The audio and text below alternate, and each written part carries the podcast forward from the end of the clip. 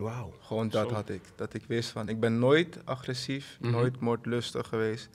Maar toen ik dat had, dacht ik van, als iemand dit pijn doet, Ja. ik pak jail time. Zwaar gewoon. Dat had ik echt van, doe het niet. Want eh, ik weet dat ik zwart voor me ga zien. Ja, ja, ja, ja.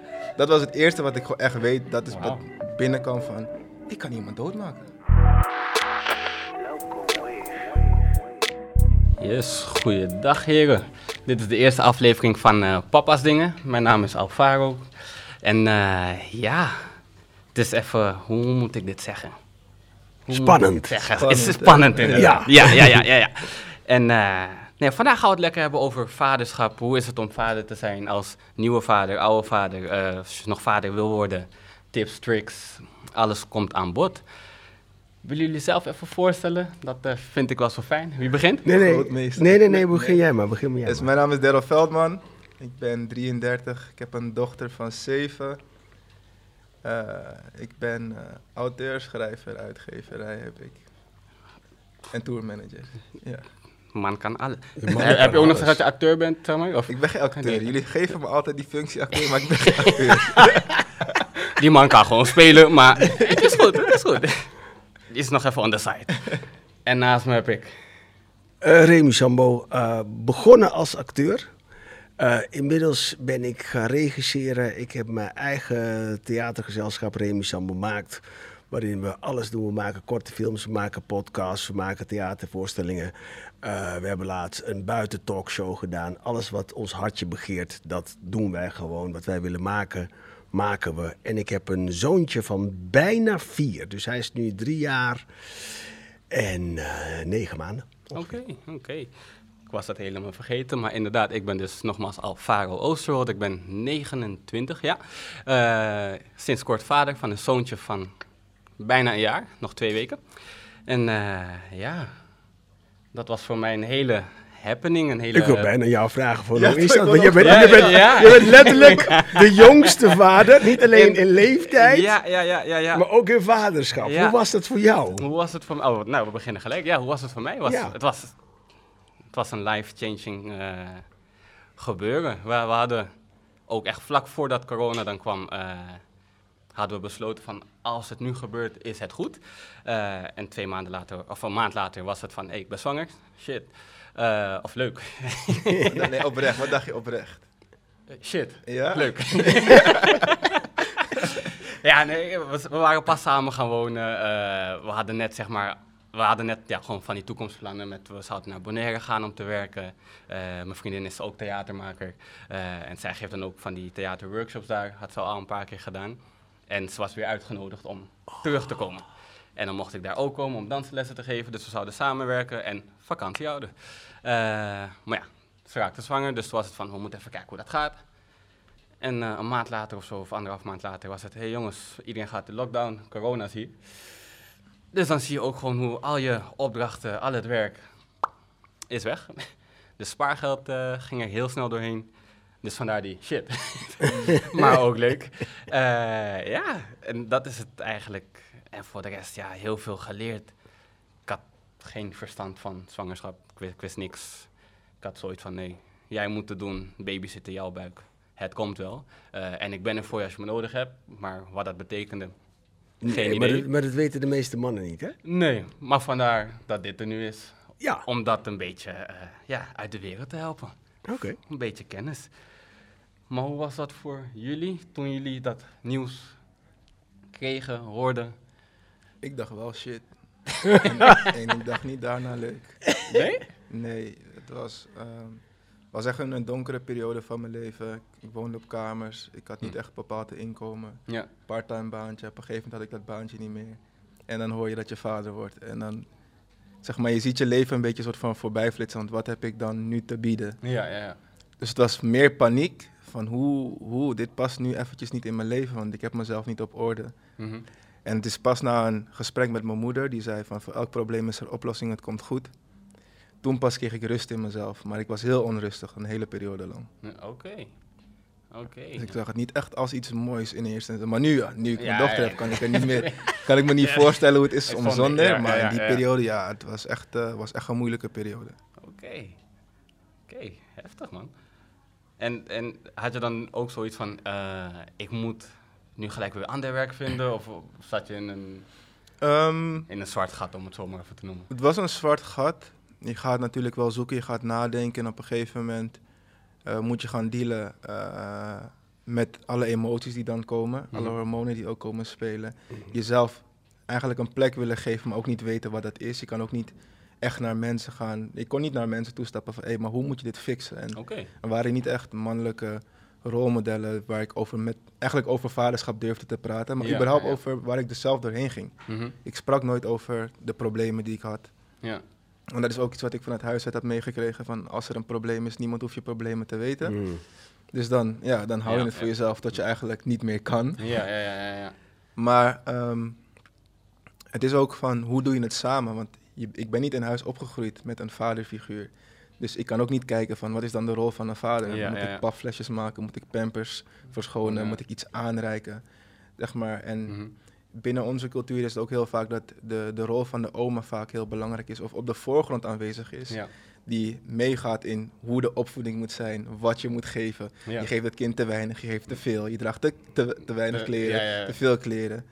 Dus dat was dan ook iets waar je ermee moet gaan dealen van Ja. je eigen ontdekkingsreis. Maar ook dan weer horen van de ene oma hoe het moet, van de andere Mhm. oma hoe het moet. Maar tegelijkertijd hoor je nergens wat de rol is van een vader. Precies, precies, precies. Dus dat was heel erg uh, zoekende. Maar ik wist wel dat de dag dat zij geboren werd, Mhm. toen moest ik, mocht ik mijn shirt uitdoen, mocht zij op me komen. En toen veranderde mijn leven. Er kwam een soort van ik weet niet wat, ik kan je niet in woorden omschrijven, maar er kwam rust, maar er kwam ook gewoon een doel in mijn leven. Ik kreeg Hmm. purpose. Ik had een reden Ja. om voor, ergens voor te leven, want Ja. ik ben nu verantwoordelijk voor iemand. Dat was echt een hele andere. Toen, toen veranderde alles direct. Wauw. Ja. Wauw. Ja. Ja, ja, ik, ik, ik, ben, ik ben gelijk even sprakeloos. Ja, ja. Ik, ik, her- ik herken ook wat je zegt. Ik ben zelf ook eh Surinaams, dus dat gedeelte dat de oma's, eh, of oma dan, eh, ook mee bepaalt, meedenkt, meekijkt. Ik vond dat zelf een beetje verstikkend. Ik had zoiets van, blijf Mhm. Ja. weg. Ja, ja, ja. ja. Eh, en ja, ik, ik ben ook zonder vader opgegroeid, dus ik had ook niemand om naartoe te keren van, hey, wat moet ik doen, waar moet ik op letten, bij wie moet ik zijn, Eh, hoe werkt dit, wat ga ik voelen, wat ga ik meemaken. Maar zijn jullie je hele leven zonder vader eh, opgegroeid of eh, tot een bepaalde leeftijd? Ik had een misconceptie van vaderschap. Zeg maar, gewoon heel eerlijk en open. Wij zijn buitenkinderen en we wisten dat heel lang niet, dat wij buitenkinderen waren. En mijn vader was er één dag in de week een avond dat hij langskwam. Eh, op de vrijdagavond was hij dan bij ons. Ik hoop niet nu dat ik zijn hele agenda van vroeger opengooi. en helemaal blast hoor. Eh, niet kijken, Maar, niet kijken. maar ik weet dat, zeg maar, ja, maar we kennen, de meeste kinderen hebben elkaar nu al leren kennen. Ja, ja. Dus we weten al van, deze man heeft een bepaald leven geleid eh, waar we niet van afwisten. Mhm. En tot mijn zestiende of zo was hij er af en toe een avondje. En ik dacht dat dat vaderschap was. Ja, ja, ja. Want ik vertelde dat op de basisschool altijd als trots van, ja, maar mijn vader, mijn vader, maar... Ja. Hij was er letterlijk vrijdagavond om 8 uur en dan was zaterdagochtend om 6 uur was hij weer weg. Dat was dan mijn concept van vaderschap. En ik weet wel dat mijn moeder heeft nooit een, een dag slecht over hem gesproken. Als er iets was, dan wa- hielp hij mijn moeder altijd. Mhm.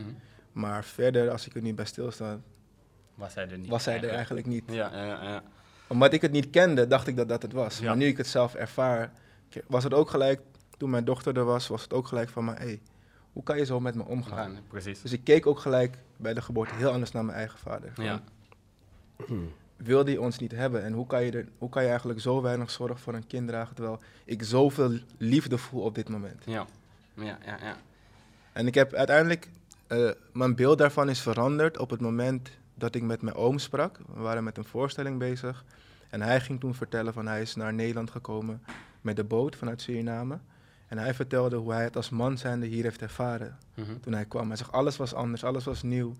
En toen pas kreeg ik een beetje begrip voor de route die vaders hebben genomen in die tijd.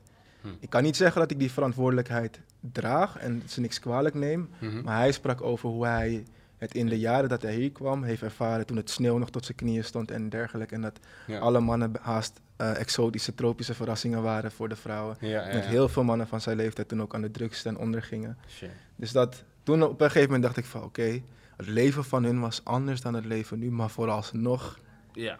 Ja, Ja, Ja, ik- ik- verantwoordelijkheid, ja, ja, ja, Je zet me wel aan het denken. Want ik Ja. denk, ik, ik kan me voorstellen dat het leven anders was toen. Maar het gaat over de verantwoordelijkheid Ja. voor je kind. En Ja. dan, ja, ik weet het niet. Ja, nee, maar precies. Ik denk nog steeds erover van ja.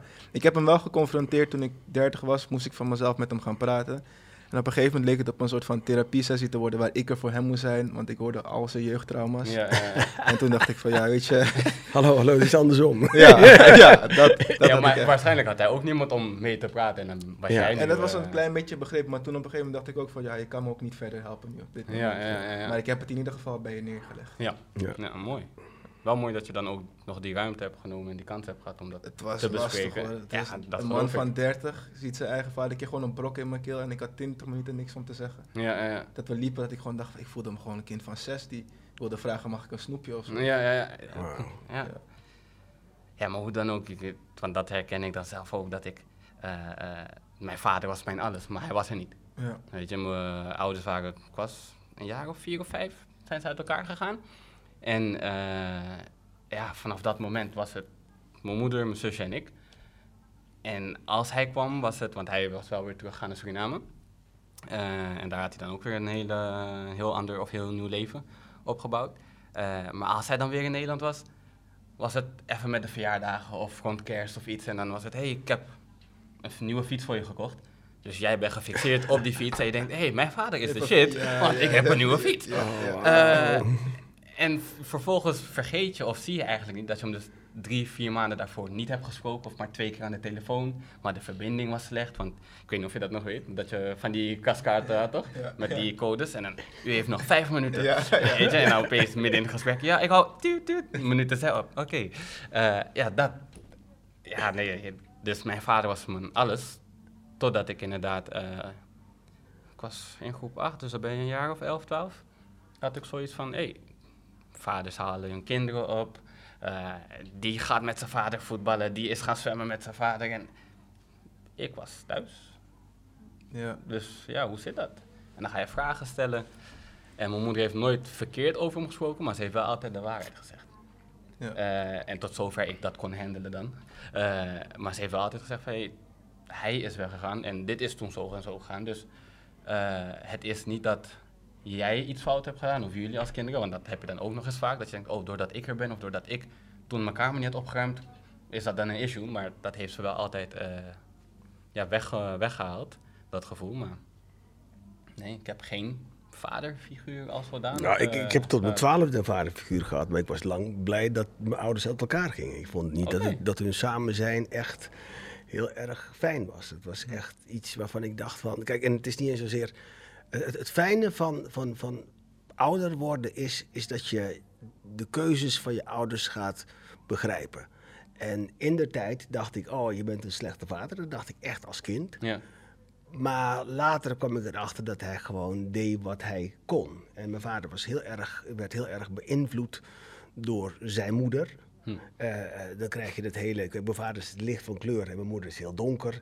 Dus dan krijg je het hele gedoe van: oh jee, waarom ga je met een donkere vrouw? Ja, en toestand. ja, Dus die was, die was heel erg. Dus als kind, tot mijn twaalfde, toen kwam ik naar Nederland, toen begreep ik het allemaal niet. Toen dacht ik, wat, eh, wat ben je eigenlijk een nare vent. En ik ben iemand, toen en nog steeds heb ik gewoon een grote mond, dus ik zei het ook tegen hem. Ik was gewoon heel straight tegen hem. Maar later ben ik gaan begrijpen dat hij eigenlijk ook, hij heeft geen, hij heeft zijn vader niet gekend. Snap je? Dus, dus, dus die moeder, zijn moeder hield zijn vader weg. Van, dus hij had ook geen... geen, Ook geen beeld. Nee, weet je. En dan werd hij ook nog eens beïnvloed door zijn moeder. Eh, en later heb ik, ik weet het niet man, ik ben echt een soort, mijn vader is er niet meer, maar ik ben echt een soort eh medelijden, medeleven Ja, gaan ja, ja. hebben van, ik dacht van, damn, jeetje, jij hebt het ook niet, eh, jij hebt het ook niet makkelijk gehad. ja. Ja, precies. Dat is wat ik dan voelde in het gesprek ook Ja. met mijn vader. Van, ja, ja, je kan ook eigenlijk niet helpen als dit je jeugd is geweest. Ja, Ja. ja. Maar het, het, het heeft er wel voor gezorgd dat mijn, mijn broer en ik allebei dachten van, wij gaan het anders doen. Ja, want ik heb wel eh, natuurlijk ook nog, want dit is heel fijn hoor, maar ik had wel een vraag. eh, en die gaat dan als volgt. Wilde je juist wel zijn, net als je vaderfiguur als je die had? Of juist weer helemaal niet, maar nu is het een beetje al beantwoord. Maar ik ga eerst terug, want Oh, je, hebt ja, me niet, je hebt me niet gevraagd wat Ik ik, heb v- vond. Ja. Oh, sorry, ik, ik zat zo in het gesprek, ik Nee, luister. nee, nee, is Ja, goed, maar ik doe het zelf. Daarom ben je hier. Nee, maar het grappige is, nee, ik ik vind het heel leuk om naar jullie allebei te luisteren. Want ik had juist heel erg eh, eh, eh, dat ik dacht van, wauw, ik word, ik word vader. Ik heb het ook Oh, op ja, latere ja, ja, ja. leeftijd gedaan. Dus ik dacht, oh toch, want ik dacht, eerst dacht ik, ehm, als het niet voor je is weggelegd, laat maar gaan, niet doen, Mhm. accepteren gewoon wat het, voor wat het is. En eh, dit is met iemand waarmee ik samenwerk en uiteindelijk is het gelukt. Dus ik was echt helemaal een soort van, eh, wauw, en ik ga dit doen en ik ga dat doen. En ik drink één dag in de week. En ik dacht, ik ga niet meer drinken en dat soort dingen, dat soort gekke dingen. En ik vond het juist moeilijker toen mijn zoontje eh, er was. Dat vond ik moeilijker, omdat ik, een, ik had zo'n fantasiebeeld van hoe vaderschap zou zijn en hoe geweldig ik wel niet als vader zou zijn. Ja, ja. En helemaal niet nadenkend dat. eh, eh, kijk, ik, ik heb co-ouderschap. Mhm. Dus, ehm, en mijn zoontje sliep bijvoorbeeld het hele eerste jaar sliep hij niet. En de eerste zes maanden deden we het samen. Ben ik bij haar ingetrokken, hebben we het samen gedaan. Daarna ben ik gewoon in mijn eigen huis gegaan. Maar als je alleen bent, ik ben, eh, ik ben alleen vader, weet je wel. Ja. En een kind gaat drie keer per nacht gewoon huilen. Nou, ik, was, ik, ik, ik, ik herkende mezelf gewoon niet. Ja, ja, ik ja. was niet het beeld wat ik had toen ik dacht van... hé, hey, ik, word, ik word papa. Ja, ja, ja, ja. Echt, ik was echt een soort zombie. En ik dacht echt van, waar ben ik aan begonnen? Het, ik, echt, ik dacht, is, is, is dit, het nou? Ja, ja. En dat, is, dat heeft echt gewoon eh, door vrienden van mij, die bij mij in de buurt wonen. Ik weet nog een keer op een zondag, ik kwam daar met het kind en ik was een soort, blijkbaar zag ik eruit als een soort zombie. En toen zeiden ze, wat is er met jou? Ik zei, ja, ik slaap niet en hij slaapt niet. En ik was echt een soort emotioneel. Ja, ja, ja. En toen zeiden ze van, laat maar hier, ga naar huis, ga slapen Ja. en kom dan terug. Dus zo regelde ik dat het hele eerste jaar. Wel fijn Om- van die vrienden, man. Zeker, zeker. Maar anders had ik echt... Het, het, het eerste jaar, ik vond het, ik, vond het, ik vond het bikkelen, man. Ja. Ik vond het echt, echt bikkelen. Ik vond het heel hard werken. Eh, eh, en wat ik net al zei over mijn vader, die was een andersoortig vader. Dus echt een voorbeeld had ik niet, behalve mijn broer. Die doet het echt fantastisch. Die heeft echt niet echt een goede voorbeeld gehad, maar die jongen die doet het echt fantastisch. Ja, ja. Dus ik besprak dingen met hem. En voor de rest wist ik niks van een kind. En dan ben je daar alleen met dat kind, die gewoon ook niet met je communiceert. Ja. En dat je denkt, Nou, hij- je kind communiceert, maar je verstaat hem niet. ja, ja, ja, ja, ja, ja, Dus, duidelijk. dus ik vond, ik, bij mij was het juist daarna dat ik dacht van, poeh. Ja. Ik vond het, ik vond het eerste jaar vond ik, vond ik heel heftig. Oké, Er wordt en- vaak niet echt zo over eh, alleenstaande ouders gesproken. En nou helemaal niet over alleenstaande vaders. Van Inderdaad. hoe, hoe trek je dat? Hè? Want Ja. Dus eh, zeggen vaak bij vrouwen dat het al vanuit de baarmoeder een bepaalde instinct wordt gebouwd. Mhm. Maar Ja. als jij dat niet hebt en Mhm. ineens moet je daar staan. Maar geloven jullie dan dat je dat instinct zeg maar niet hebt? Als Nou, ik zou je vader zeggen, ik, ik, ik, ik Want ben... ik voelde dat wel. Nou, ik, ik ben echt. Het ik ga iets heel raars zeggen, maar ik ga tof zeggen. Ik ben mannen gaan begrijpen die ervoor kiezen om geen vader te zijn. Hm. Hm. Waarom? Omdat eh, eh, in mijn geval dan. eh, de moeder had gelijk een band. En als vader, als je niet open staat, open stelt, niet je borstkast, je kind op je borstkast Ja, laat ja. liggen, niet een connectie maakt, dan kan je veel makkelijker gewoon ervoor kiezen om, om, om, om, om weg te gaan. Ja. Omdat je moet als man toch een soort van... Je, je hebt niet het natuurlijke van een vrouw. Dat het meteen allemaal de natuur je meegeeft. Ik moest er in ieder geval heel erg voor werken. Had Ja, ik het ja, ja, gevoel. ja, en toen ja. dacht ik... Oh, wat ik begreep het, daarvoor begreep ik het niet. Ik dacht, nee, je bent de vader, hoezo ga je weg? Je hebt je kind, dit en dat. En toen dacht ik, oh damn, dus als je niet investeert in die moeilijkheid, Ja. dan is de vlucht gewoon eigenlijk heel makkelijk. Ja, ja, ja. ja. Ik ben, en ik praat het niet goed, maar ik ben het wel gaan begrijpen. Ja, ja. Nee, nu Ja. je het zegt, eh, vat ik hem wel. Bij mij begon het juist, wat echt heel erg kwam, en het klinkt misschien eng, maar toen ik haar had, wist ik dat ik in staat was om iemand dood te maken.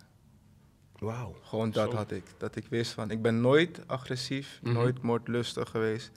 Maar toen ik dat had, dacht ik van als iemand dit pijn doet, Ja. ik pak jail time. Zwaar gewoon. Dat had ik echt van.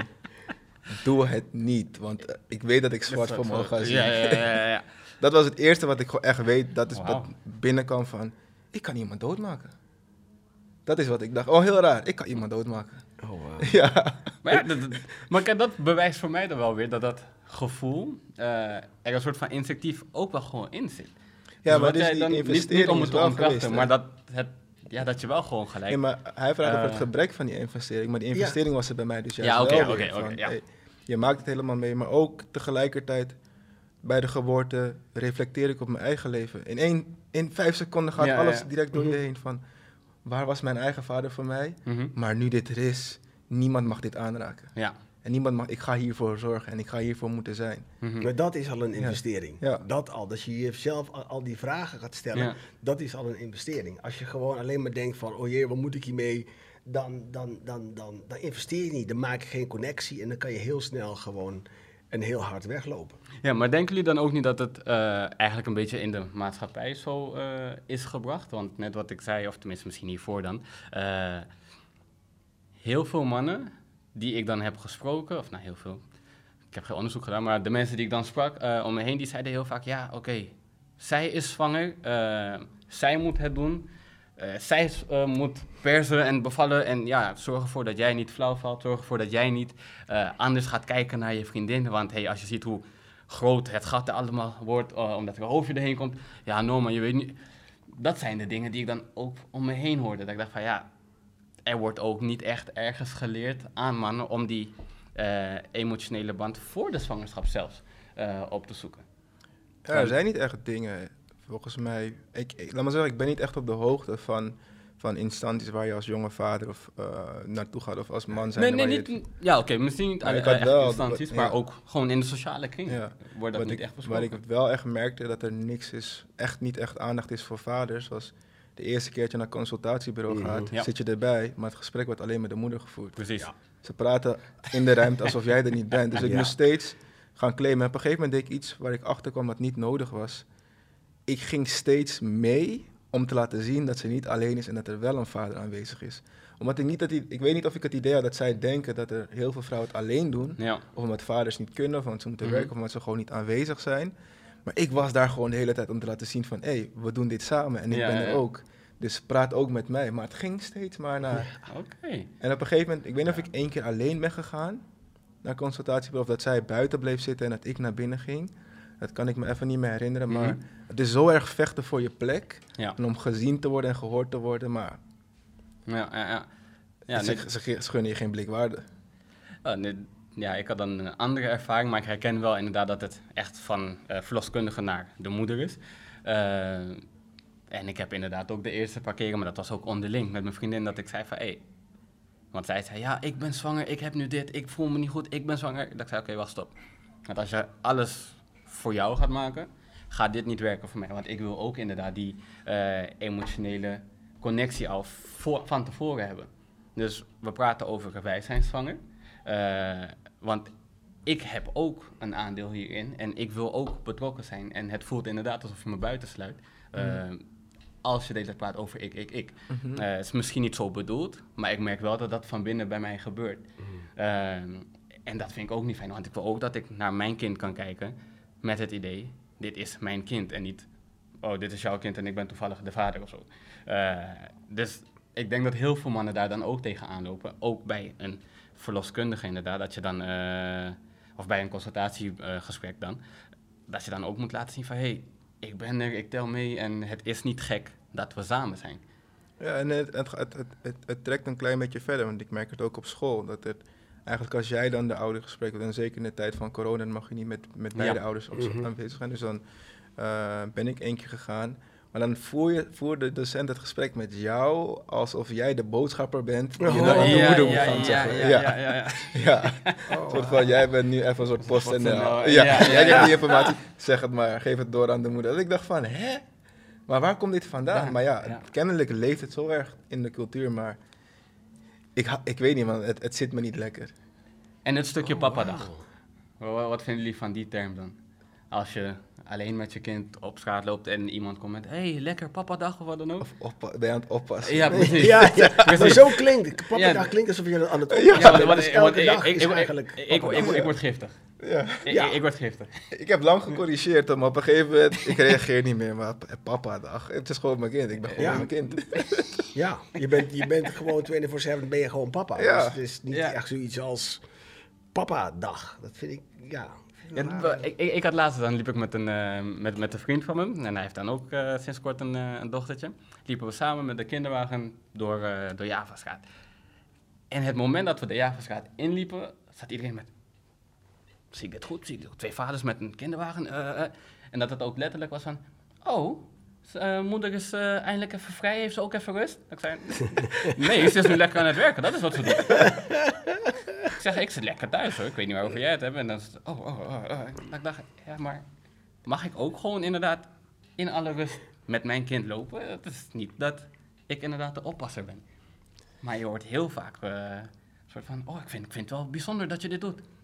Maar komt het niet vanuit het beeld dat zeg maar, vroeger vaders die wel aanwezig waren, meer een passieve rol hadden? Zeker. Maar in Ja. het krantje zitten Zeker. en moeder doet Ja, alles. ja, Ja. zeker, Maar, zeker. maar je zou bijna denken dat bij zo'n consultatie, consultatiebureau dat men gewoon weet dat de tijden anders zijn. Ja. Snap je? Ja, het dus- wordt heel erg in stand gehouden dat je echt een soort van, je bent erbij, maar het gaat om, de Om- moeder. En wat, wat ik ook merkte trouwens, eh, de moeder van mijn kind, die ging allemaal boeken lezen. Daar komen we misschien straks op. En, Ja, en, westerse boeken, gewoon hoe je een kind moet opvoeden en dat soort dingen. Ik werd echt helemaal gek. Ik werd echt helemaal gek, serieus. Nou, ik, ik kan met je meepraten. Ja, ja wat, je, wat je allemaal moet. Het, het, het, het grappige was dat, ik weet nog, want alles is ook heel erg gericht op het kind. Ja. En ik weet nog, de moeder van mijn kind zei van, oh, we mogen zo blij zijn met het kind. Ik zei, nee, nee, nee, het is andersom. Het kind mag eigenlijk heel blij zijn met zulke leuke ouders. Ja. En toen zei ze, oh ja, zo had ik het nog niet bekeken. Bekeken. Ik zei, het begint bij de ouders, bij de verwekkers. Mhm. En die moeten het goed doen en dat geef je over aan. Ja. Dus als je vaak boeken leest, dan, dan is het kind een soort uitgangspunt. Terwijl ik denk van, en, en dat, ook daarin vind ik dat er heel weinig rekening wordt gehouden met eh, eh, wat ouders, zeg maar, eh, eh, eh, meemaken met elkaar als, als vader, als moeder. Zeker, zeker. En dus dat vind ik echt een soort ding. En ook vooral vaders worden daarin vergeten, vind Ja. ik. Ja, ja, ja, ja, ja. Dus westerse boeken voor mij, echt als mensen me vragen van heb je tips, zeg ik geen westerse boeken lezen. Toevallig had ik laatst dus gevraagd, zijn er tips? En dat is wat jij ook zei. Ja, nee, Dat, ik, ik vond het zo, zo erg. Ik vond het de man uitsluiten en ik vond echt dat, dat eh, ehm, een kind, jij bent de, de, de, nou, de verwekker. Mhm. Het begint bij jou en jij, als jij niet in een goede gezondheid bent, eh, geestelijk en lichamelijk, eh, is dat wat je gewoon over, overbrengt op je kind. Ja, Dus dat wordt heel vaak gewoon, vind ik, vergeten. ja, ja, ja. Nee, helder. Ja, nee, ben het ermee eens. Ik heb, eh, mijn vriendin las ook dan een paar boeken. En dan was ook van, oké schat, we moeten even zitten, want ik heb gelezen dat, zeg maar even wat hoor, eh, als ik zoveel eh, appels op een dag eet, dan komt dat dan ook weer in, die, in mijn moedermelk en dan is het ook weer goed voor... Ik dacht van, moet ik nu een hele schema bijgehouden over wat je wel moet eten, niet moet eten, waar we wel naar moeten kijken, niet naar moeten... Mag ik ook gewoon even voelen en Ja, het verpesten? maar die, die ook, En dat je gewoon kan die voelen. constante strijd, eh, ja, ik maak het nu heel zwaar, maar die constante, eh, eh, dat constante gesprek van oké, ik heb dit gelezen, dus dit weet ik en mag ik ook gewoon even voelen, is nu dan wel wat... heel- iets is- is wel wetenschappelijks. iets- ja, ja, en dat, dat, dat, dat, dat stoorde mij heel erg, want ik had dan in de, eh, in de zwangerschap vooral dat ze heel veel las. En eh, zij was heel erg gefocust op een, eh, op een thuisbevalling. Waarbij ik eerst zoiets had van, "Hm, waarom het ziekenhuis is goed. Eh, en ik mag niet jokken, want dat heeft mij ook heel veel geleerd. ik kan dat niet ontkennen. Thuis of- Nee, nee, nee, nee, thuis. Dat gesprek met mijn vriendin, eh, nadat zij wat had gelezen. Ehm, want het thuisbevallen is dus ook gewoon heel, heel fijn en veilig eigenlijk. Maar het idee dat het in het ziekenhuis veiliger is, is ook heel erg meegegroeid de afgelopen jaren. Eh, ook door films en series, want elke bevalling in een film of serie is met 10 liter bloed en heel veel geschreeuw. Eh, dus ja, nee, maar als dat je referentie is, denk je, hé, hey, bevalling, we moeten daar zijn. Want, eh, maar ik heb daardoor dus wel, ik ben even het punt helemaal kwijt, geweldig. Het gesprek heeft er dus wel voor gezorgd dat ik meer begrip kreeg voor haar, maar dat we dus wel een middenweg probeerden te vinden met wat heb jij gelezen en geleerd en wat voelt goed voor mij. Ja. Want mijn vriendin is dan ook nog eens Nederlands, dus dan hebben we ook nog eens twee culturen waar die, die clashen. Dus dan is het ook weer, ja, ik heb dit meegemaakt van mijn ouders en mijn vader deed het zo. Ja, ja ik had geen vader, dus eh, ik wil het dan ook maar even uitvogelen. Maar ik ga, mij, eh, jouw vader is niet mijn voorbeeld. Mhm. Dus dat is dan ook nog weer een ding wat de hele tijd gaande was. En ik heb inderdaad vrij weinig gehoord, want ik moest dan ook boeken meelezen of uh, Ja, hoofdstukken moest- meelezen. Moest ik ook, ik deed het niet. ik heb het heel lang Nee, heb het gelezen. Ik was het vergeten morgen. Eh, maar ik heb uiteindelijk toch wat gelezen. En ik miste inderdaad ook een rol van een vader. Ja. Eh, Maar ook dat je, Dus, dat, ja. dat je het gewoon kan uitzoeken. Ja. Weet je? En ik bedoel, eh, eh, jouw kind is niet mijn kind, jouw kind is niet mijn kind. En Zeker. elk kind, kijk, natuurlijk zijn er fases die hetzelfde zijn. Maar het is, als, je, als je bepaalde boeken leest, lijkt het alsof je elk kind gewoon in een soort eh, zelfde stramien moet opvoeden. Ja, ja, ja, ik denk ja. van, het is, dit, vaderschap, eh, ouderschap is gewoon ook uitzoeken van, oké, hoe gaan wij dat doen? Wat weet jij, wat weet ik? En wat wordt onze stijl van opvoeden? Zeker, zeker. En dat wordt heel erg. eh, ik, ik had, nou ja, de moeder van mijn kind is, is ook Nederlands. En die was ook heel erg van. Oh ja, kan je even dit lezen? Want we moeten het zo en zo doen. Want. En ik, ik zei: Weet je, ik weet het niet. En dit is, dit is het fijnste niet weten wat ik ever in mijn leven heb meegemaakt. Ja. Ik dacht, laat me het gewoon fout doen. Want op de een of andere manier is ze denken van... Oh jee, het kind gaat dood. Nee. Kinderen, kinderen, baby's kunnen heel veel hebben. Zeker. Weet je, en, en, en eigenlijk vind ik dat je ook als vader de ruimte moet krijgen om, om te kijken hoe je dat doet. Dat je fouten mag maken. En weet je, dus dat, Ja. dat, en, en daar is heel weinig ruimte voor, vind ik. Of daar wordt heel weinig over gesproken. Ja, ja, ja, ja. Ja, ja ik, ben, ik ben ook meer van het proberen. Want je ziet los van theoretische kennis. Ik heb dan daar minder mee te maken gehad Mhm. met theoretische kennis. Maar je hebt wel met. eh, eh, kijk, zij komt van Curaçao, ik ben van Suriname. Maar de culturen liggen best wel dicht bij elkaar. Ja, ja. Zeg maar in eh, de rituelen die worden gedaan. Dat ik denk van, hé, hey, jullie doen dit ook. Ga ik naar mijn moeder, weet je wat ze ook doen? ja, ja, Ja, nee, maar dat, dat is fijn, herkennen. Maar dan is het gewoon eigenlijk het meer te maken met ja, onze opvoeding. Hoe was je opvoeding geweest? Wat wil je daaruit meenemen en wat niet? Ja, ja. En bij mij stond heel hoog dat communiceren met mijn kind, dat ik dat heel belangrijk vind. Omdat dat daar heel veel gebrek aan was. Ja. Bij mij thuis. Bij mij was mijn moeders wil was wet en daar sprak je niet tegen. En als je er tegen sprak, Had je een probleem. Ja, ja, ja, ja, ja, ja, dat was zolang je, zolang je in haar huis woont.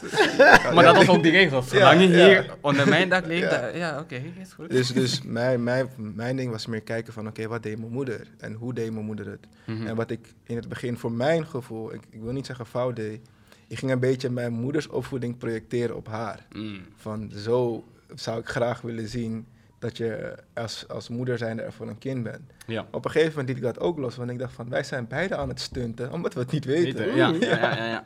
Dus we zijn gewoon aan het proberen en elkaar in het eerste twee jaar het gewoon zoeken.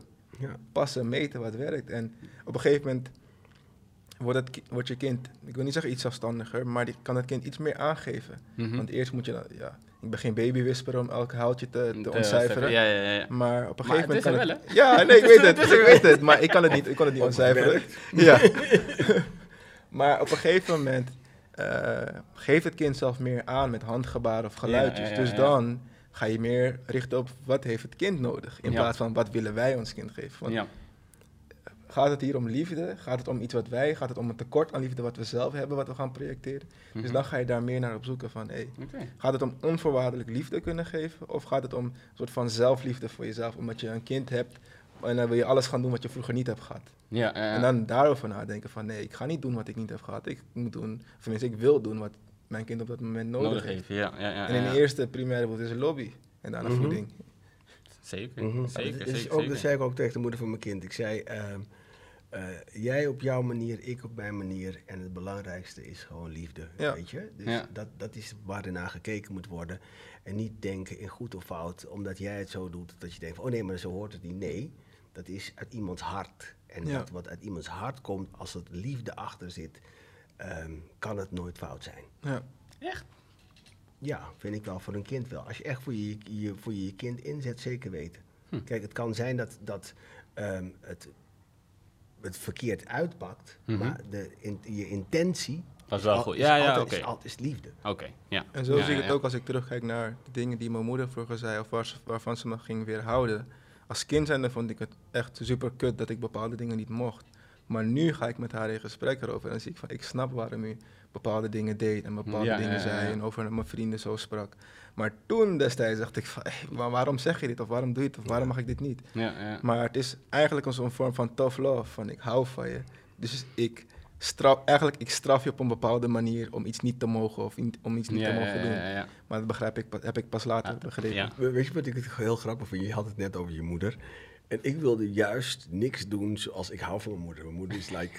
Maar ik dacht, ik ga niet doen zoals mijn moeder. Ja, Mijn ja. moeder was echt gewoon een soort van streng. Ja. En gaandeweg, ik kom erachter, ik ben mijn moeder. Ja, Ja. maar dat had ik ook. Ja.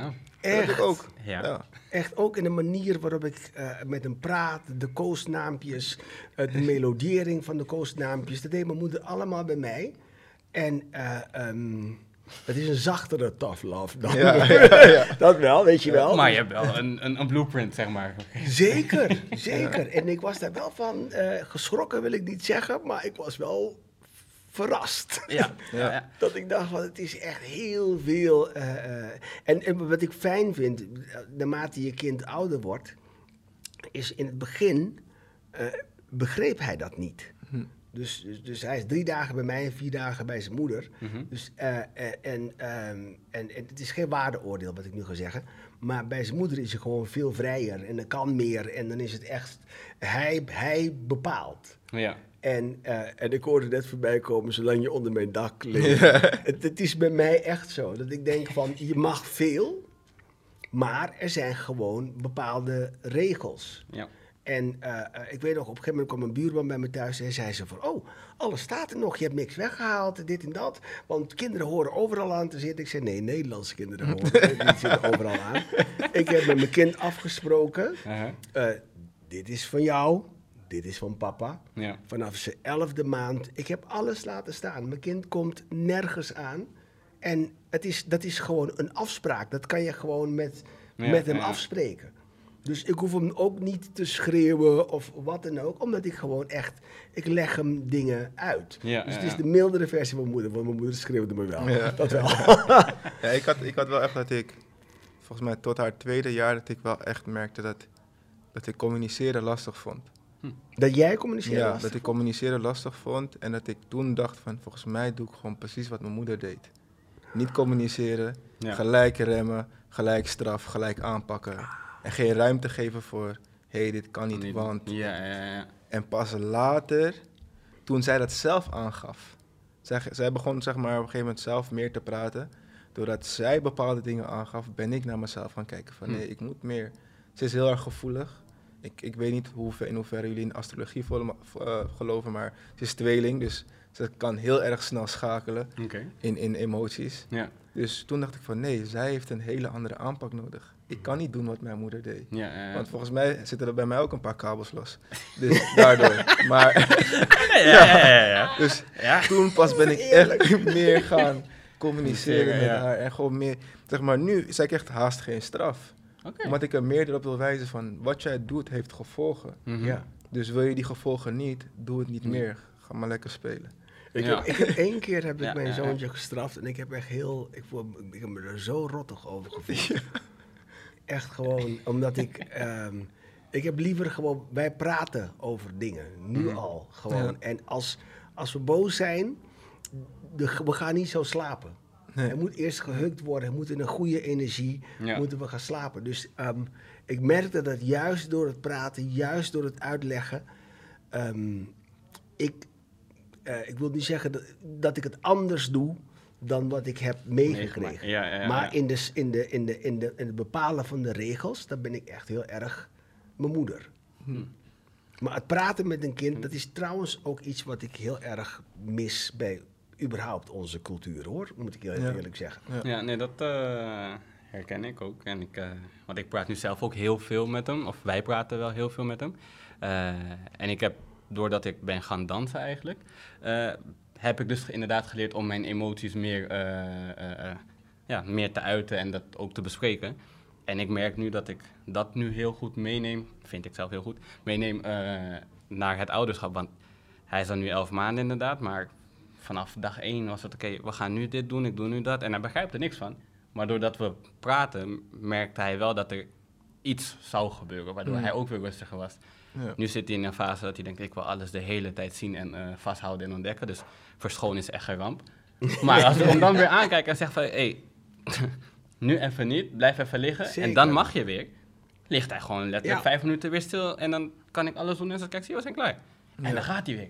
Ja. En ik denk dan, eh, als ik dat niet zo zou doen, inderdaad, van, lig, eh, ja, da- da- dan wordt het weer een... Ik heb, uiteindelijk heb ik mijn moeder wel niet per se ermee geconfronteerd. We hebben een tijdje geleden hebben we wel erover gesproken met mijn zusje en ik. Oké. Gewoon over hoe we zijn grootgebracht en dingen die we misten en jammer vonden dat ze zo zijn gelopen. Toen heb ik er ook gevraagd van de dagen dat je ons echt gewoon eh, pedagogisch onverantwoordelijke tikken gaf. Wauw, Mooi deze verwoord. man. Mooi Ja, ja, echt heel mooi verwoord. Ja, ja, ja. Hoe dacht je daar dan over? Zei ze, ja, soms zat ik gewoon en dacht ik van, ik had het niet zo moeten doen. Want dan zegt ze, dan ligt ze en dan kijkt ze naar ons en zegt ze van, ja, het is misschien haar eigen frustratie geweest. Ja. Wat zo. En toen keek ik ook weer heel anders naar mijn moeder. Ik denk van, ja, als haar, voor haar was het ook lastig. Twee kinderen alleen in die Ja. tijd van toen. Mhm. En dan ook een baantje hebben, misschien op de werkvloer jezelf niet helemaal oké voelen. En dan moet Ja, je thuiskomen. En dan doen die kinderen lastig. Ja, ja, Ja, ja, het, het was ja. echt veel. Dus dat heb ik er ook gegeven van. Ik neem je niks kwalijk, want je Mhm. hebt alles gedaan wat je kon. Maar alleen soms vond, was ik een beetje bang. Ja, ja, ja. ja, En, en dat bedoel ik dus met die Ja. westerse boeken. Hè? Ja. Het is dus helemaal heel erg gericht op het kind. Ja. Maar dit is ook zo belangrijk voor de ouders. Ja. Dat zeker als je alleen bent, twee kinderen hebt. Al, het is, het is, het is, Het is, is, is heavy. ja, het is heavy. Het is echt Ja, heavy. Het is echt heavy. Ja. Dat, eh, Dus, dus mijn beeld is ook helemaal veranderd van wat ouderschap is. Gewoon, Ja. Nu ik naar mijn moeder kijk, kijk ik gewoon heel anders. Gewoon eigenlijk, je hebt al respect, maar dat is een vorm van respect wat was afgedwongen. Mhm. Maar nu geef ik het er oprecht van, ja. hey, ja, ja, ja, ja, ja, ja, ja. van, hey, dit is het, dit is het. dit is- Zelfs als ik een dag alleen ben met mijn dochter, dat ik ook denk van, damn, ik moet nu ook gaan koken. Maar hoeveel tijd zit er tussen het koken? En ze moet eten, ze moet op tijd eten. Ja. Want het- ze moet zo naar bed. Hey, hey, die schema's? Nee, man. Jee. Voorheen was het inderdaad opstaan. Hey, wat is er? Ja, is goed. Eh, eh, ja, oké, maar nu? En er is eigenlijk, er is iemand hier aan tafel die mijn leven ook ander inzicht heeft gegeven. En dat is Remy. En hij weet het niet eens. Het was, we hadden een repetitie.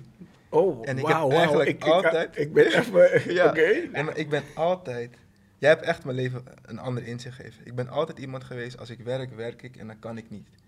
En we Hm. waren bij die repetitie van 10 tot 4. En toen zei jij, het is drie uur, ik moet mijn zoon van school halen. En ik dacht van, wow, ik heb er nooit naar zo naar gekeken. Ik zei altijd, ik kan niet, want ik moet werken. Ja, ja, ja. En echt pas sinds, sinds nadat we klaar zijn met die repetities, is letterlijk, nu zeg ik ook, ik kan niet, ik moet mijn dochter van school halen. natuurlijk. Ik, maar ik zag het nooit als zo'n prioriteit. Voor mij Hm. was het van, ik moet gaan grinden, zodat ik financieel oké ben ja, ja, ja, voor thuis. ja. Maar letterlijk, denk ik van mezelf, wat scheelt die andere paar honderd euro iets minder? Ja. Of dat afspraakje wat je wat later bent? Ja. Maar dat is wel ook weer, een, want ik ben, ik ben Ja. heel blij eh, en heel mooi voor Ja. jullie inderdaad. Ik ja. ja, ja, dat is heel mooi. Maar dat, dat is wel een, een, een ding wat heel vaak gebeurt, zeker bij vaders, eh, dat ze inderdaad denken, hey, ik moet maar gaan werken, ik moet ervoor zorgen dat we financieel stabiel, eh, ja, financieel stabiel zijn. Eh, dus dan kan ik inderdaad niet. Want dit hoor ik ook vaker. Dus ook- hey shit, ik moet werken, ik moet werken, ik moet werken, ik moet werken, ik moet werken. maar het is zo... Ja, maar het is ook weer een stukje dat, dat het liefde geven en de verzorging, eh, dat dat dan weer bij de moeder wordt neergelegd of automatisch daar ligt. Nou, En dat jij daar dan niet aan kan bijdragen. Het, het is heel grappig, want de, de liefde van mijn vader heb ik ervaren in het krijgen van dingen, in het werken en dat ik dingen kreeg. Ja, dat was zijn ja. manier van liefde geven. Terwijl, eh, ehm, nou ja, we- derde net zei wat voor mij heel normaal is. Ik denk, ik heb het hele eerste jaar bijvoorbeeld, heb ik op de vrijdagen gewoon niet gewerkt, want ik wilde gewoon op de vrijdagen wilde ik er voor hem zijn. Het heeft zelfs een jaar en acht maanden geduurd voordat ik gewoon ben gaan werken weer op de vrijdagen. En ik verdiende minder, maar ik wilde gewoon mijn kind meemaken. Daarna ehm, eh, het is wel zo, Daryl, dat ik moet zeggen dat ik het allemaal plan. Mm, Weet je, dat ik denk van oké, ik kan dan en dan werken. Ja. Maar er is een bepaalde tijd dat ik hem wil halen. Omdat ik denk van, ehm, als ik hem haal van de crash, gaan we altijd samen boodschappen halen. We gaan samen koken. Ja, ja, en voordat je het weet, moet hij weer naar bed. Dus die tijd wil ik gewoon, wil ik gewoon hebben. Dus overal waar ik kom, dan zeg ik oké, hartstikke leuk en aardig. Maar ik stop dan en dan. Ja. Ja, ja, ja. Want ik heb gewoon die tijd nodig. En ik wil gewoon veel meer voor hem zijn dan alleen maar de hardwerkende papa die dan leuke dingen. En toevallig in het weekend eh, dan zijn kind voor een dag ziet. Ja. Ja. Ja, maar Ja. Dat, toen ik tot dat besef kwam, toen ik het eigenlijk... Het was eigenlijk iets heel raars, omdat ik gewoon, zeg maar, voor mezelf altijd mijn werk als prioriteit heb gezien. En altijd, zeg maar, bij, bij de moeder neerleg van, oké, maar dan check eventjes of het anders kan. Of dat ze daar naartoe kan gaan of daar. En ik, ik greep eigenlijk pas in als ik een optie hoorde waar ik niet achter stond. Dus dat ze naar een oppas ging voor bij een vriendin van haar. Dat ik dacht van, Mm. maar zo wil ik niet per se dat mijn Ja, kind ja. rondgaat als er geen tijd is. Dan ga ik zelf. Ja, ja, ja. Maar ik merkte dus nu, eh, ze zit in groep 4, dus zij praat ook heel veel over haar gevoelens. Dus vaak is het, papa kan je me ophalen? En dan zegt papa kan niet. Oh. En dan zeg maar, dat gaat zo naar binnen. Ja, ja, ja, ja, En ik kan ja. er dan zeg maar, Ja, je ja, kan er ja. niks aan doen. En op een gegeven moment zei haar moeder ook van, hey, ze praat echt heel veel over dat ze graag wilt dat je haar komt ophalen. Ja, ja, ja. Dat jij daar ook zat. En toen ging ik terug naar mezelf als kind zijnde, als jonge voetballer, dat ik langs de lijn stond, dat ik ook graag wilde dat mijn vader daar stond. Gelijk veranderd. Ook als hij mij belt van papa kan dit of kan dat. Ik ben er gewoon direct. Ik, denk ik zou gisteren bij een boekpresentatie zijn eh, van, van, van, van Gershon's nieuwe boek.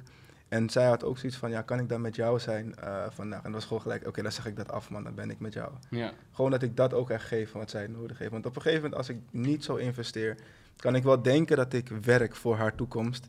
Maar Mhm. aan het einde van dit, misschien zit ze niet meer op te wachten. Zegt ze, nooit stond je hier. Je bent er niet eens Nee, nee, voor me. klopt, klopt, klopt. Ja, Klopt. dus, dus daarom heb ik dat eh, eigenlijk, Lekker. door jou ben ik gaan switchen. Oh, wauw. Ja. Wauw. Wauw. Ja, Ja. nee, dat, is- dat is mooi. Hoe erg is jullie kind een spiegel voor jullie?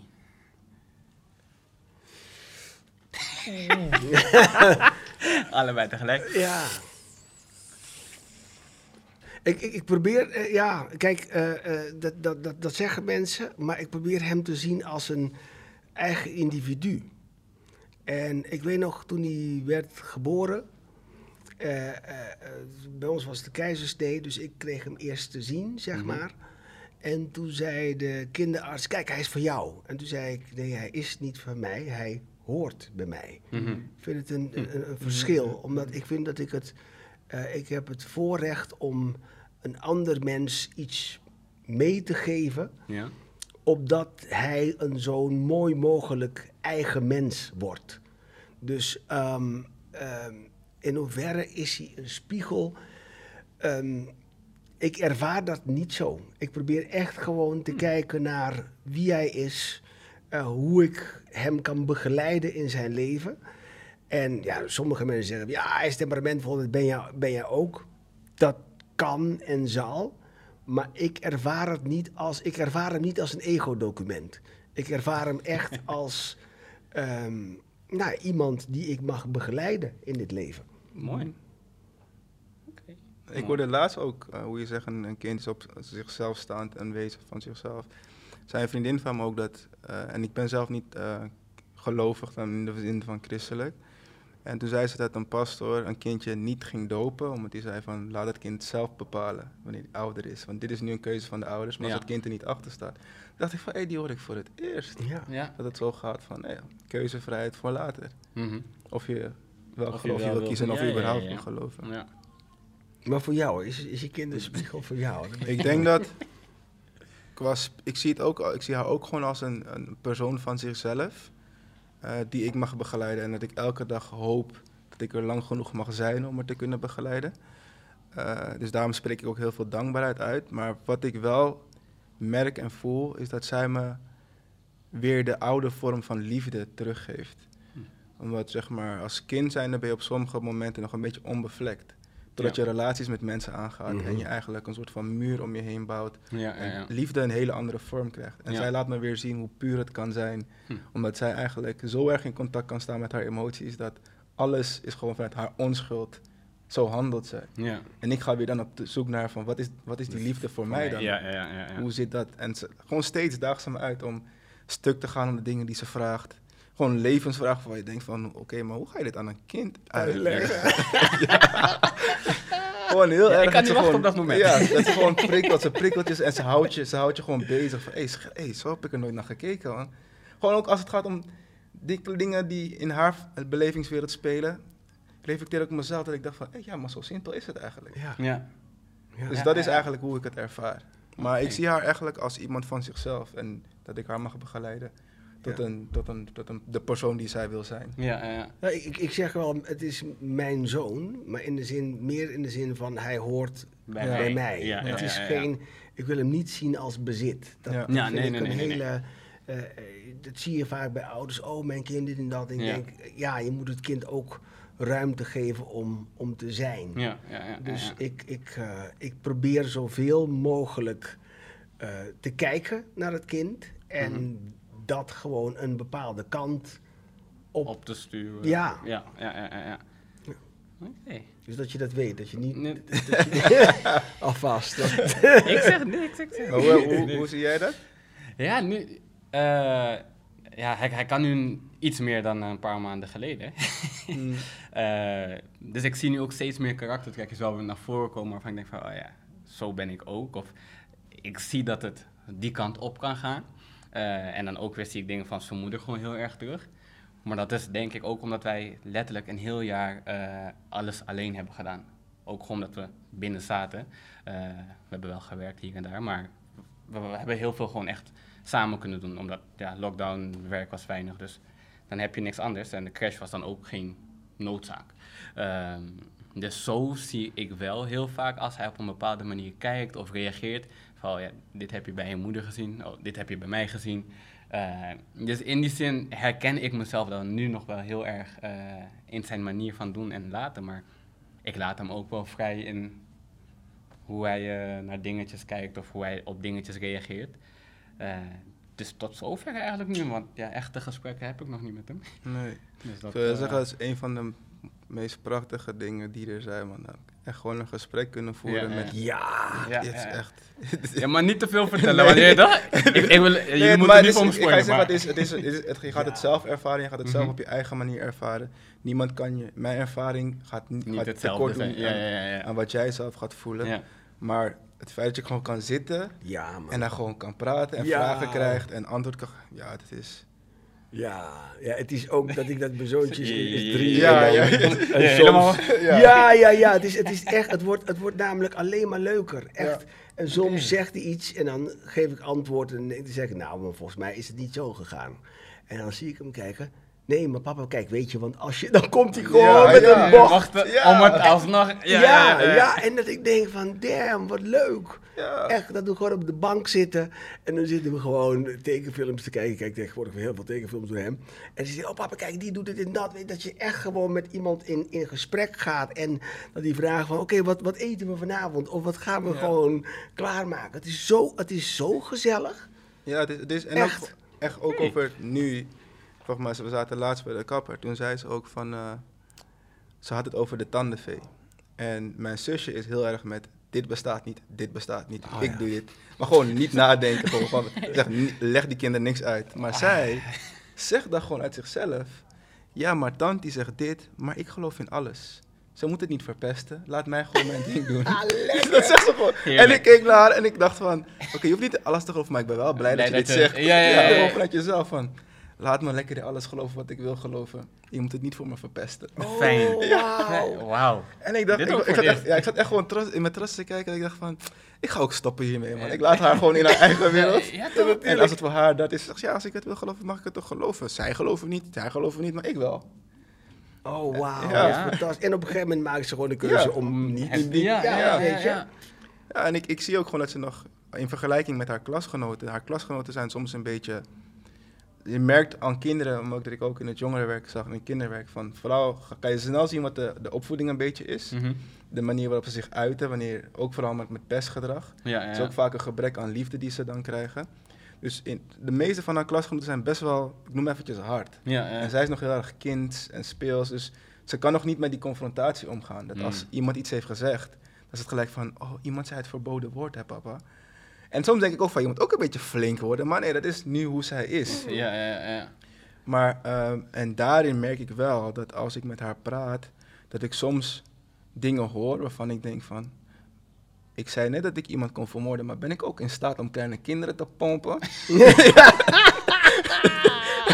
dat ik me dat echt afvraag van, kan dat? Nee, dat is, is niet te doen, maar gewoon meer dat je, dat je dan echt ik nadenk over, maar wat als er een keer Als de het- hart voor het eerst het- gebroken ja, wordt? Of, ja, ja. Wat ga ik doen en hoe ga ik dan dat gesprek moeten voeren? Dus daar zit ik nu eigenlijk mee over na te denken van, wat voor persoon word ik dan? Maar ik, ik denk dat de manier waarop je nu al gewoon praat, want af en toe hè, volg ik jou dan Ja. ook gewoon op social media. Ik denk dat, dat Ja, als is dat zo vrij. door blijft maar, gaan. maar vaak is het gewoon een masker, want van binnen voel ik iets anders. Ja, sowieso. Dat sowieso. Ik, ik denk dat het gesprek eh, wel. Dat, ik, ik denk dat als je het gesprek open houdt, dat er dan wel inderdaad een soort van rust komt en dat het masker uiteindelijk wel misschien daadwerkelijk wel echt zo. Ja, het liefst wil ik gewoon laten zien hoe ik me voel. Want ik heb al een paar keer gezegd, eh, zeg tegen die kinderen, je vader eh, kent Pablo Escobar en we eten en ontvoeren kinderen. Maar toen, dat vond de moeder niet leuk, want, zij gaat naar school en zegt, mijn vader heeft Ja, gezegd. Ja, ja, ja, ja, ja, ja. Ja, ja, ja. Ja. Dat is, zo, is ook weer een bepaalde angst die je dan misschien meegeeft, toch? Of- Ja, het is vrij laat hoor. Ik, ik kwam gisteren bij mijn moeder en toen zag ik haar alleen buiten. Ik de parkeerplaats en ik dacht, wat doet zij alleen buiten? En toen zei ze, ja, ik ging eten brengen voor tante. En mijn tante woont dan in de straat. En ik dacht, Mhm. hoe, blijft ze- hoe gaat ze alleen op straat? Ja, ja, ja. Ik dacht, ja, ze is zeven. Ik moet nu ook leren een soort van zelfstandigheid te creëren. ja, ja. Want ze gaat binnenkort ook alleen naar de speeltuin willen gaan en dat soort dingen. Hé, daar, daar, is echt, ik- die heb ik ook, die heb ik ook. Dat ik denk, mijn zoontje is heel zelfstandig en echt, eh, door zijn moeder, zijn moeder de schrijfster, Mhm. is, het, is, is een, zijn, zijn woordenschat is echt enorm groot voor een- zijn kind zijn leven. Dus Ja. hij wil gewoon heel veel dingen zelf doen. Maar gewoon het idee dat hij dan alleen een keer naar de speeltuin moet en dat soort dingen, het is toch... het is- ik, ik moet er nog, ik moet Ik er moet nog even- Zo'n ja, dingen ja. moet je meegeven, maar zo'n babyfoon, hoe noem je dat? dat Ja, ja, ja, ja, ja. Kijk, kijk, heel mooi. Sorry, ik, ik onderbreek hem, maar ik had jullie inderdaad nog eventjes gevraagd om een, een, een, een, een voorwerp mee te nemen wat symbool staat voor de relatie met je kind of eh, Ja. wat, wat jij met je eh, ouders had. Ik heb zelf dus inderdaad een babyfoon eh, meegenomen, want dit is een lifesaver. Ik weet niet of jullie het hebben gebruikt of niet, Ik zelf niet. maar dit is een lifesaver. Ja, we, we kijken er zo wat elke avond naar alsof het de meest spannende film, serie op Netflix is. ja, nee, echt. Ik heb hetzelfde dat hij af en toe niet wil slapen of wakker wordt en dan gaat zitten en dan huilen en dan weer slapen. En als je in een andere kamer bent, je ziet het niet, denk je, hij heeft honger, ik moet gaan. Mhm. Kom je die kamer in en dan wordt hij echt wakker, weet je. Dus hiermee kunnen wij zien wat er aan de hand is en ook wanneer hij slaapt, is, is geweldig. Ja, wauw. Gewoon, we we zitten letterlijk een half uur mee. Oh, kijk. zo, Oh, oh, kijk, hij draait zijn hoofd. Oh, oh, oh. Ja? Ja, ja, ja, nee, echt. Lifesaver. Ik had het ook moeten doen. is een lifesaver. Maar wat hebben jullie meegenomen? Eh, eh, een kam. Ik heb een kam. Ik heb zijn kam meegenomen. Omdat, eh, ja, ja, ja, ja, ja. Het is, het is als, je, als je kind bicultureel is, dan komt het haarprobleem Uh-huh.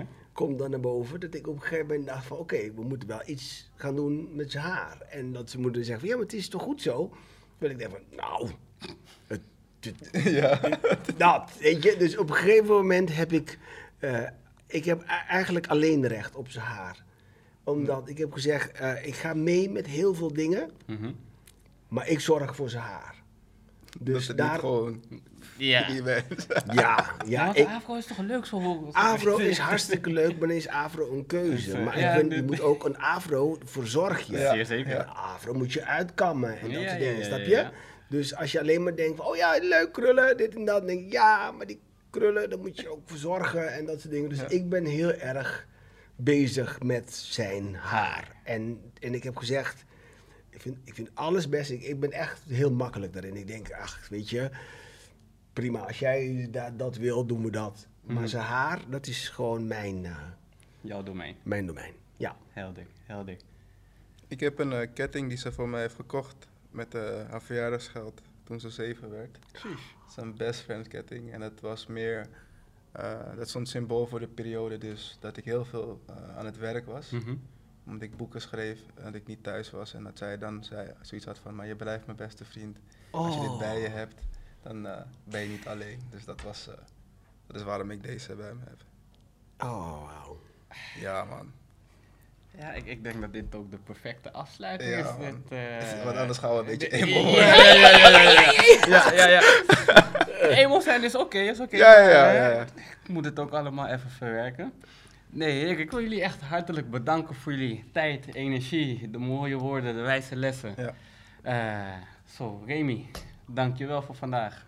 Daryl, bedankt voor vandaag. Ja, bedankt voor de uitnodiging. En de beste mensen die eh, dit hebben gezien, gehoord, dank jullie wel. En tot de volgende aflevering.